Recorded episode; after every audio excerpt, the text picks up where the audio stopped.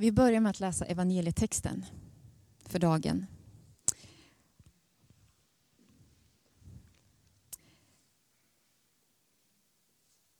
Och dagens tema är i Jesu namn. Och jag läser från Johannes evangeliet kapitel 2, vers 23.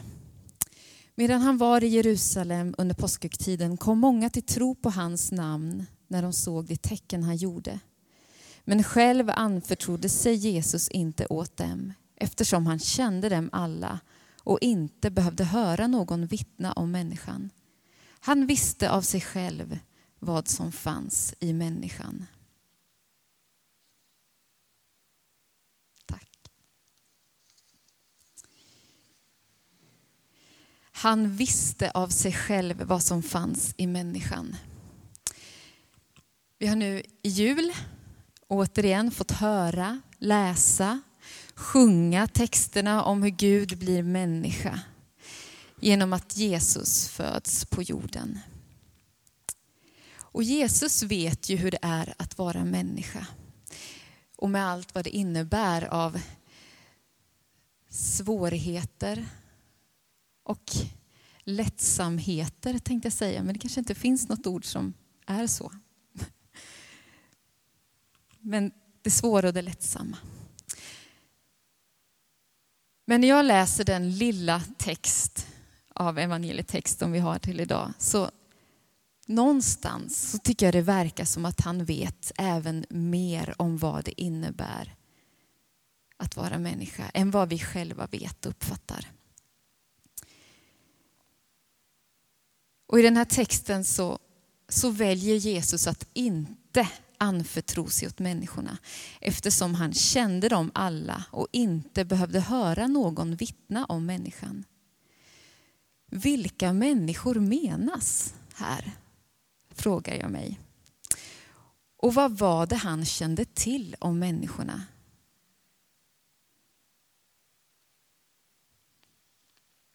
Om nu Jesus, som är både Gud och människa, känner oss så känner han också vår önskan och vår längtan, vår rädsla och våra behov. Och vi har kanske hört det någon gång eller hört det många gånger, men att om vi vill lära känna Jesus så behöver vi anförtro oss åt honom. Och även om människan ibland tycks tro att hon kan vara Gud, så tycks det vara som att det förhållningssättet snarare drar oss längre bort från att lära känna Gud Fader. Och vi har också hört att Jesus, när Jesus berättar för oss att det är genom att lära känna honom, sonen Jesus och följa honom som vi lär känna Gud Fader. Hur gör jag det? Behöver jag fråga mig ännu en gång. Denna dag och detta år. Det är så enkelt, kan det tyckas, och så svårt.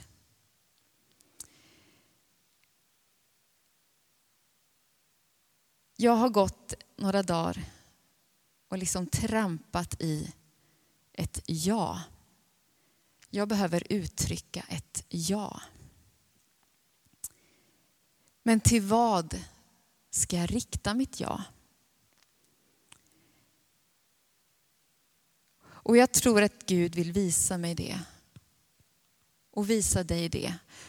Om vi söker efter vad vi ska säga ja till. Det står ju sök så ska ni finna och bulta så ska dörren öppnas.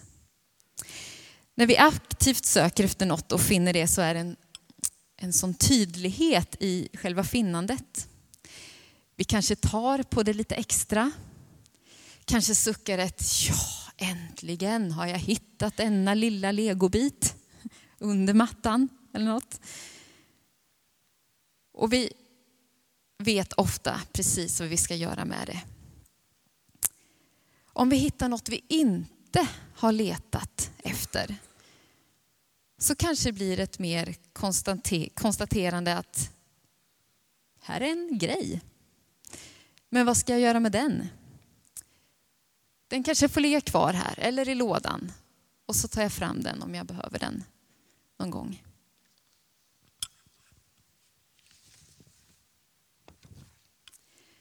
Jag tänker inte fråga er om några nyårslöften. Jag har inte avlagt något själv, kan jag säga.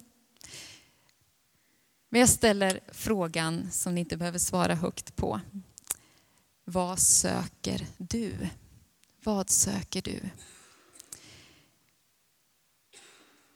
Jag läser just nu Thomas Sjödins senaste bok som har den fantastiska titeln Den som hittar sin plats tar ingen annans. I den här boken så får vi följa med Thomas när han följer lärjungen Thomas. Lärjungen Thomas väg från vidrörandet av såren efter Jesu uppståndelse till den stora kyrka och rörelse han la grunden till i Indien som har fått just namnet Tomaskyrkan. Och Thomas Sjödin berättar om, jag ska läsa det för er, den stund då hans första egna jag uttrycktes.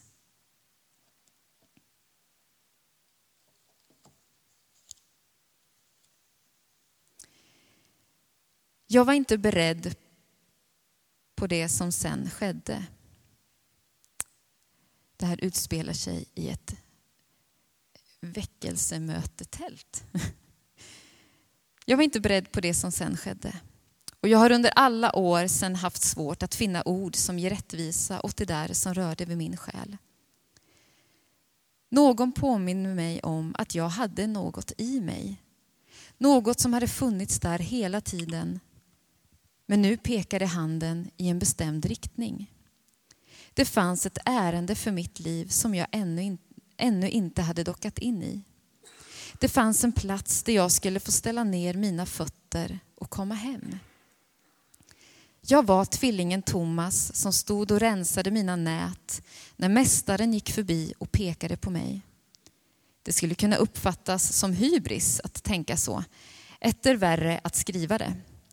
Men det där ögonblicket har burit mig sedan dess.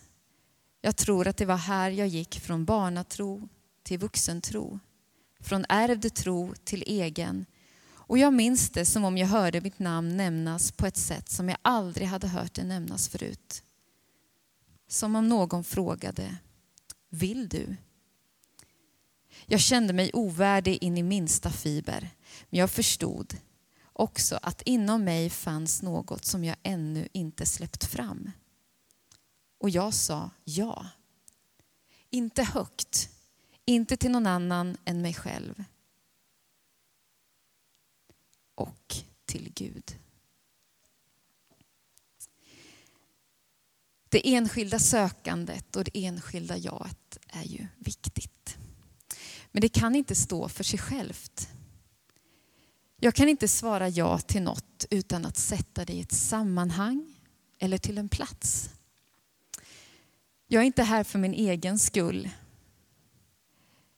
Eller med min egen tro för min egen gudsrelations skull. Mitt ja har alltid en betydelse för någon annan, för något annat. Vad söker jag? Och vad säger jag ja till? Det sammanhanget och den andre som jag nu berör med mitt ja lever nu med frågan vad söker vi? Vad säger vi ja till? Och jag ska ta ett litet exempel som ligger nära oss tillsammans. Missionskyrkan i Linköping. Ni befann er, eller jag kan säga vi befann oss, på en annan plats för cirka 20 år sedan. Jag var inne i det huset någon gång på någon sån här barnkörslägeravslutning. Men jag har ingen bild av hur det såg ut egentligen, men jag vet att jag varit där inne. Jag har funnits med i sammanhanget i den här församlingen i drygt två år. Och jag skulle kunna säga och tycka att jag inte har något med beslutet av en ny kyrkobyggnad att göra egentligen. Men nu finns ju jag här i det här sammanhanget. I denna församling, i detta hus, på denna plats. Och jag behöver då ta ansvar för mitt jag i det jag som några av er uttryckte då. Jag är ju nu en del av den historien, tänker jag. Och varför finns vi då på denna plats nu? Varför finns vi inte fortfarande där?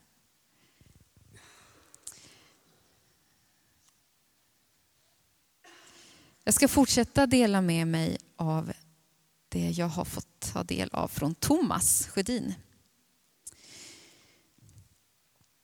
En vanlig fråga i plantskolan är om det går bra att flytta växter. Svaret är så gott som rungande ja. Om du har en växt som uppenbarligen inte trivs där den står, den växer dåligt, blommar knappt eller drabbas av ständiga sjukdomar, då är det klart att det är värt att prova att flytta den. För det mesta går det alldeles utmärkt.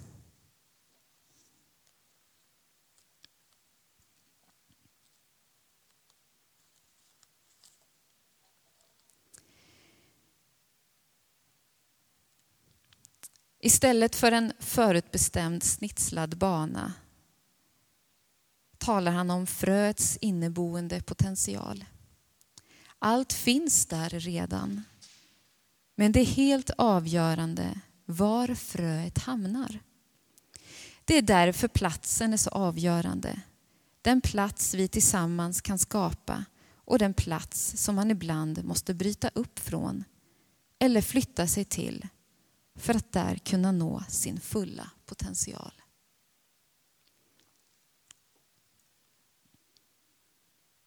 Varför är vi här?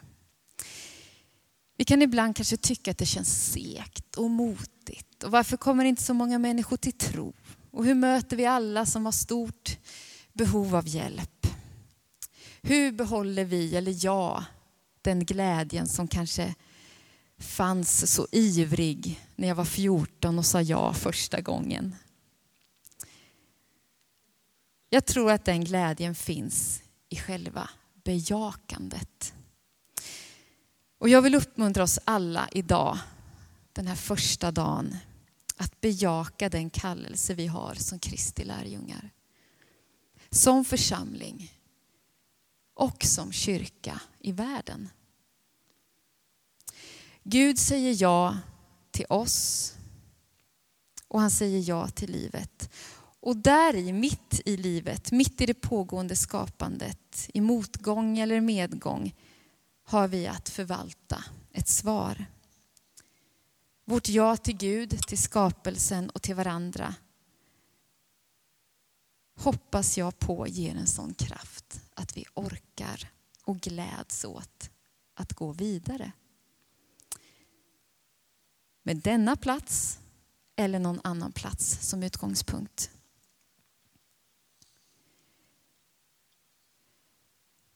Och vad behöver ditt frö för att det ska gro?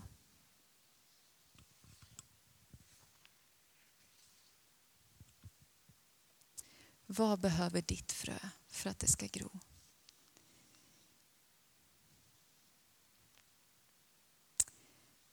Sändaren är en tidning som samfundet Equmeniakyrkan ger ut. Här i våra tre kyrkoledare skrivit en liten nyårshälsning som jag nu tänkte använda mig av. De skriver så här. Att kasta in handduken och bara ägna sig åt det egna och privata är inget alternativ. Att sitta tyst är inget alternativ. Att bli cynisk är inget alternativ. Det är uthålligheten som är vårt alternativ och vår kallelse. Därför behöver vi varandra. Vi behöver människor i vår närhet. Vi behöver församlingen och kyrkan. Vi behöver gemensamma internationella organisationer som i all sin ofullkomlighet stöder och hjälper.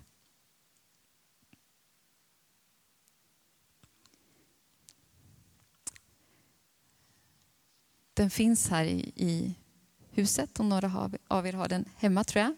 Läs hela när ni kommer hem. Runt om de texter vi har fått höra av Ragnar idag så finns det en, tycker jag mig se, en tråd av uppmaning. En uppmaning att se och lyssna till den utsatte. Bara några verser längre fram i samma kapitel i Klagovisorna så läser vi Du hör mitt rop, slut inte dina öron för min bön om lindring och hjälp. Du kommer till mig när jag ropar. Du säger, var inte rädd. Herre, du för min talan. Du ger lösen för mitt liv. Du ser vilken orätt jag lider. Herre, skaffa mig rätt.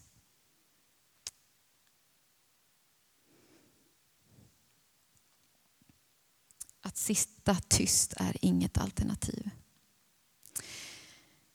I Apostlagärningarna så får vi uppdraget att förkunna för folket om den förlåtelse som finns i Jesu namn. Att det gäller alla. Och för mig blir det då att vi ska be för våra och för andras fiender. Och det är så aktuellt idag. Och vi får inte bli tysta där. Det kan vara mina ord i klagovisorna. Men just nu är det främst, och då blir det ur mitt personliga perspektiv här. Det är alla våra medmänniskor på flykt som ropar ut detta. Om vi tar den text jag nyss läste så kan vi göra det till en bön. Du hör deras rop. Slut inte dina öron för deras bön om lindring och hjälp. Du kommer till dem när de ropar. Du säger, var inte rädda. Herre, du för deras talan. Du ger lösen för deras liv. Du ser vilken orätt de lider.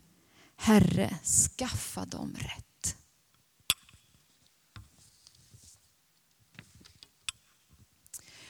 Och vi som församling, du och jag och kyrkan har så mycket mycket i Jesu namn att ta vara på det här året, denna tid. Nu ska jag ta den sista personen till hjälp här. Emil Mattsson som är direktor på Göteborgs räddningsmission skrev en artikel i Dagen, tidningen Dagen. Han skrev så här. Varför är det då så viktigt att kyrkan finns mitt i samhällsutmaningarna? Och vad har vi som kyrka att erbjuda det här samhället? Mycket mer än vad vi ofta tänker. Vi har, och det här inkluderar oss, vi har hopp om en evig framtid. En tro som får konsekvenser här och nu. Gemenskaper, frivillighet och ideellt engagemang. Vi har bön, mångfald, rötter. Och vi behöver Mod att se större. Mod att ta risker. Mod att leva i gränslandet. Och han fortsätter, kyrkan har i dessa utmanande tider ett svårt men också enormt meningsfullt och roligt flerdimensionellt uppdrag. Låt oss be om mod inför det nya året att vilja och våga öva och pröva. Och kanske verserna från Jeremia också gäller oss. Gör allt för att den stad jag har deporterat er till ska blomstra. Och be till Herren för den. Ty dess välgång är er välgång. Gör allt för att den plats jag har deporterat er till skall blomstra. Och be till Herren för den. Ty dess välgång är er välgång. Jesus behöver inte anförtro sig åt oss. Vi behöver anförtro oss åt honom. Och vi ber tillsammans den bön som finns i agendan.